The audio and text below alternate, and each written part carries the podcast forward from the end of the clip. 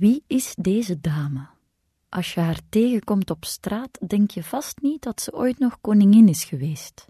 Haar kledij is hier zo weinig feestelijk, zo weinig chic. Helemaal anders dan de prachtige kostuums die je in de vorige zaal zag. En helemaal anders dan hoe deze dame, Marie-Antoinette, er enkele jaren eerder als koningin van Frankrijk bijliep. Met overdreven hoge kapsels, grote diamanten halssnoeren en jurken waarvan je ogen gingen schitteren. Zoveel rijkdom voor één persoon, terwijl het arme Franse volk verhongerde. Wanneer het land in 1791 op instorten staat, wil de koninklijke familie er stiekem vandoor, op kousenvoeten, langs een achterpoortje. Maar ze worden betrapt en de Franse koning wordt onthoofd.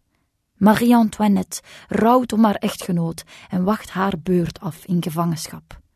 Je ziet het verdriet aan haar ogen en haar zwarte kledij.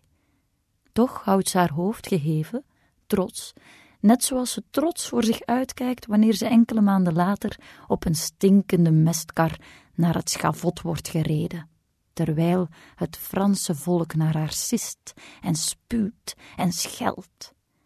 Ze zou zo hard kunnen schreeuwen dat je er straten verderop kippenvel van krijgt.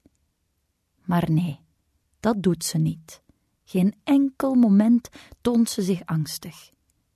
Wanneer haar hoofd van haar lichaam rolt, soppen de omstaanders hun mouwen in haar bloed.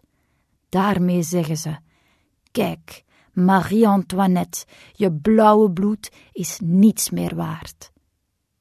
Al snel davert het nare nieuws door de huiskamers van de familie Arenberg. De broer van de blinde hertog kent de Franse koningin namelijk persoonlijk.